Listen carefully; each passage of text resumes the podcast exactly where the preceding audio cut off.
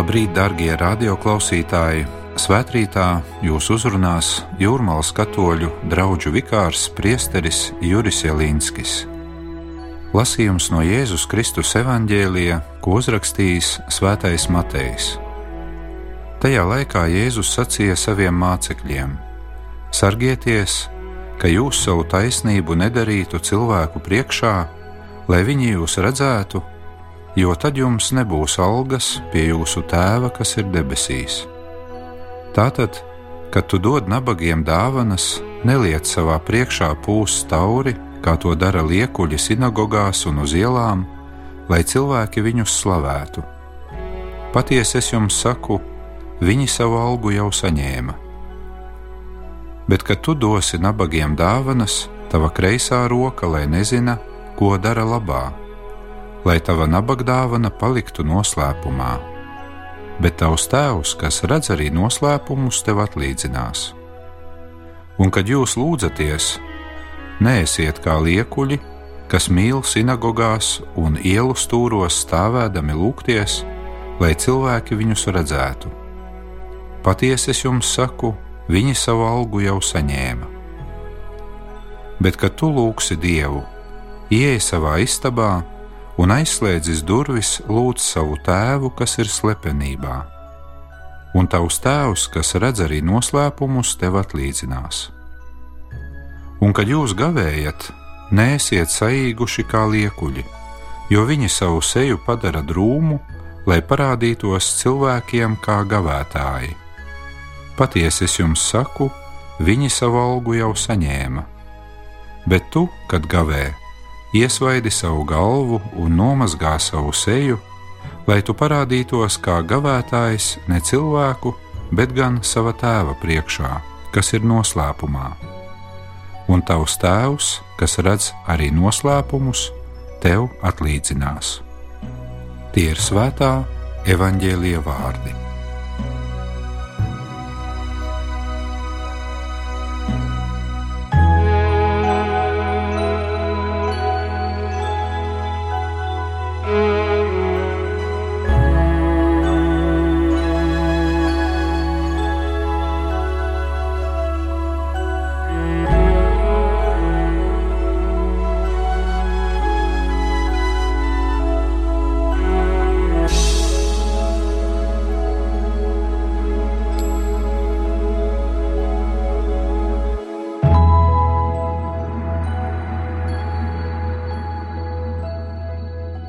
Mūsu cilvēciskā daba ir tā izveidojusies, ka ikdienas dzīvē, gribam to mēs vai nē, mēs esam pakļauti dažādām neredzamām straumēm, kuras mūs aiznes kaut kur tuvāk vai tālāk.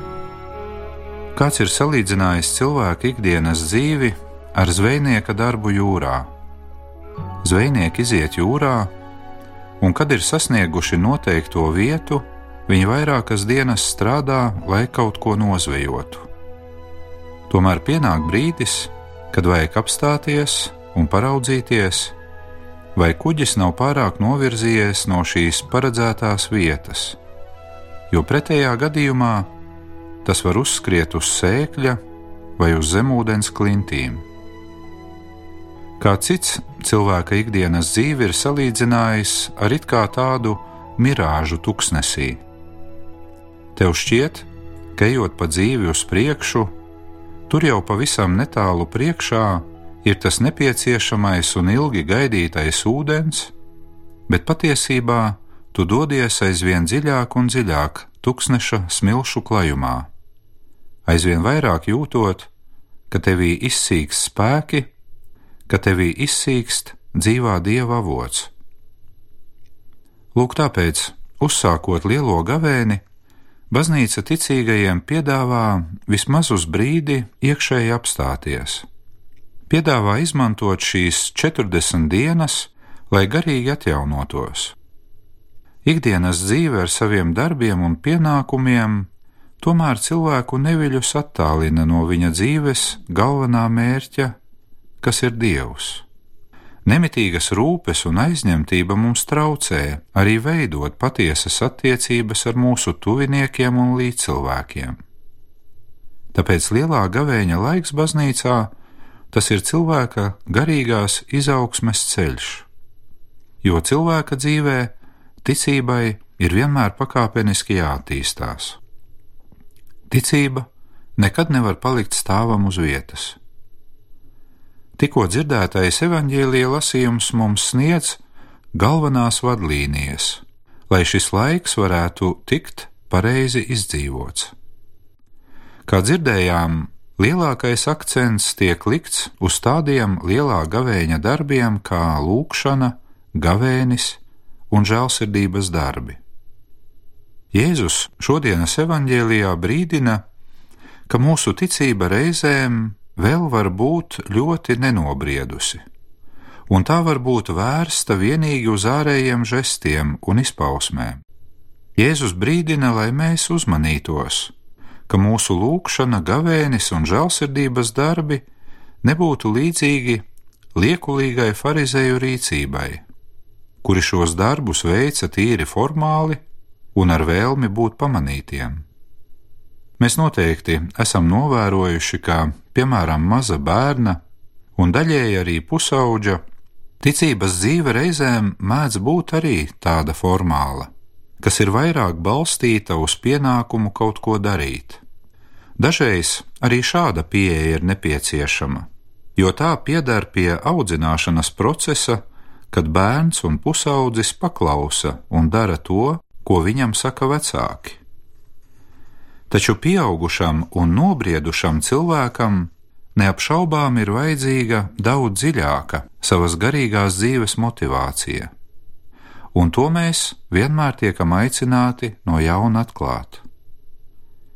Šodienas lasījumā mēs dzirdējām, ka pretstatā patiesai un dziļai ticībai Jēzus tieši piemin farizējisku attieksmi. Kā zinām, farizēju pieeja dažādām reliģiskajām praksēm tika motivēta nevien ar to, lai cilvēki viņus pamanītu, lai pamanītu viņu lūgšanu dzīvi, gavēni un to, kā viņi dara žēlsirdības darbus. Bet viņu problēma bija arī tā, ka to visu cītīgi pildot, farizēji nonāca pie pārliecības, ka viņi ir pašpietiekami. Apbruņoti ar milzīgu gribas spēku un perfekti izpildot lūgšanu, gavēņa un žēlsirdības darbu pienākumus, Pharizēji uzskatīja sevi par taisnīgiem un pareiziem, un līdz ar to dieva loma viņu dzīvē tika mazināta. Veicot visus šos labos darbus, viņi nonāca pie pārliecības, ka cilvēks var pats sevi izglābt. Šādas rīcības rezultātā, kad cilvēks ar saviem spēkiem spēj paveikt ļoti daudz, viņš neizbēgami tomēr var nonākt tādā stāvoklī, kad visi pārējie cilvēki tad tiek sašķiroti, sašķiroti labajos un ļaunajos, ticīgos un neticīgos, taisnīgos un netaisnīgos, gudrajos un tumsoņās, savējos un svešajos. Pavisam savādāk ir situācija, kad cilvēks cenšas lūgties, gavēt un darīt žēlsirdības darbus, paturot vienmēr kā atskaites punktu vienīgi Dievu, kurš visu redz un zina, un kurš visaugstāk novērtē visus šos darbus, kad tie tiek veikti slepenībā, citiem neko daudz par to nezinot.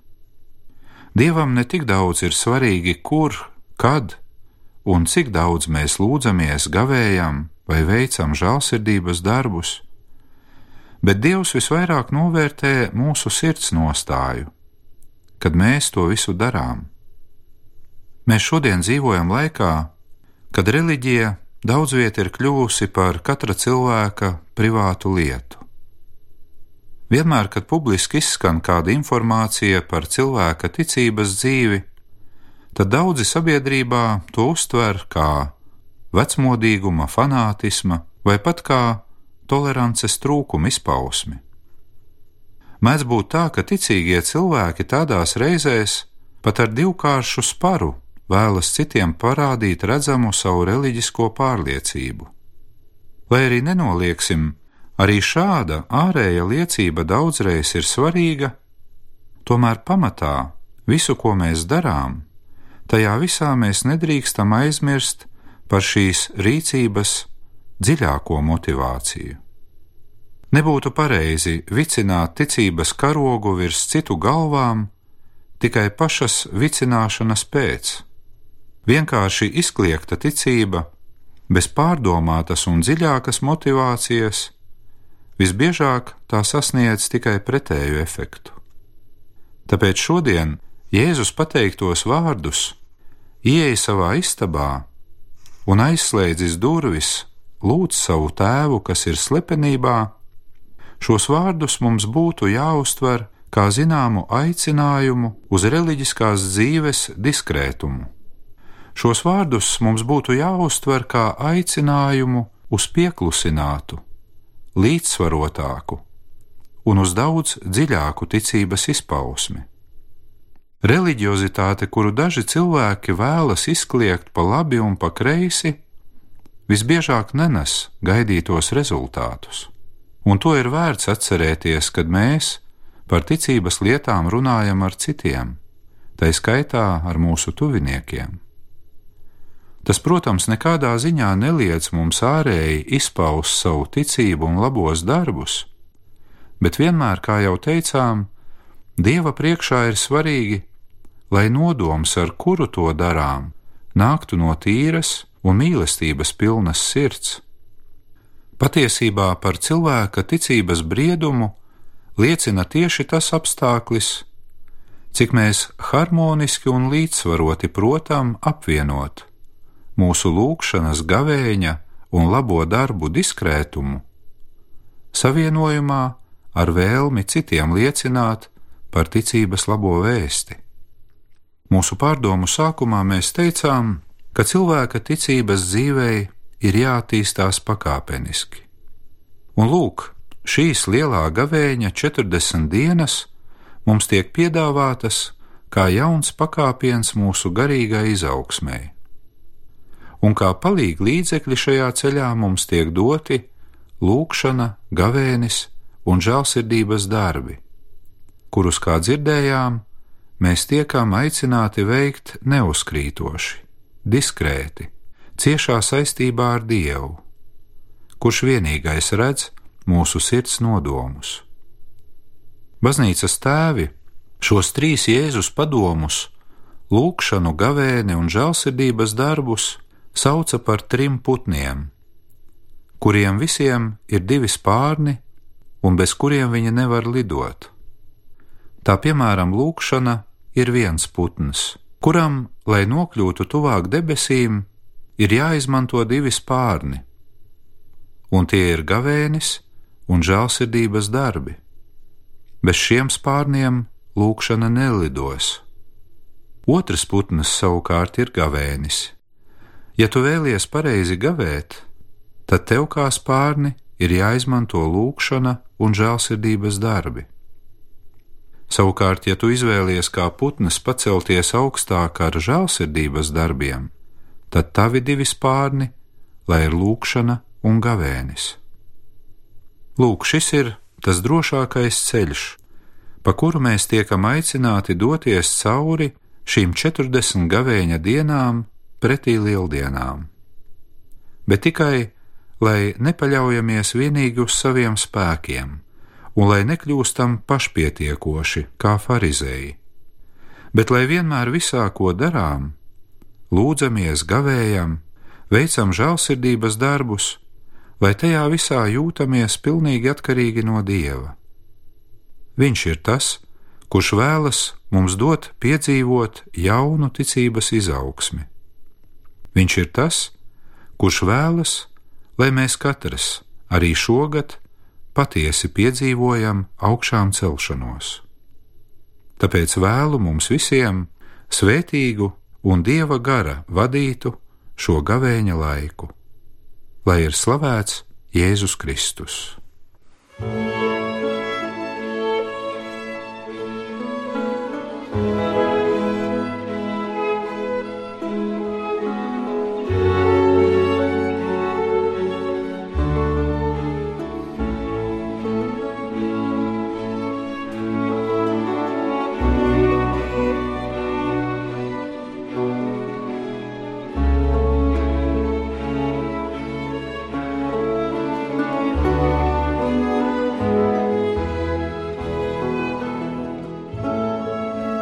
Lūksimies!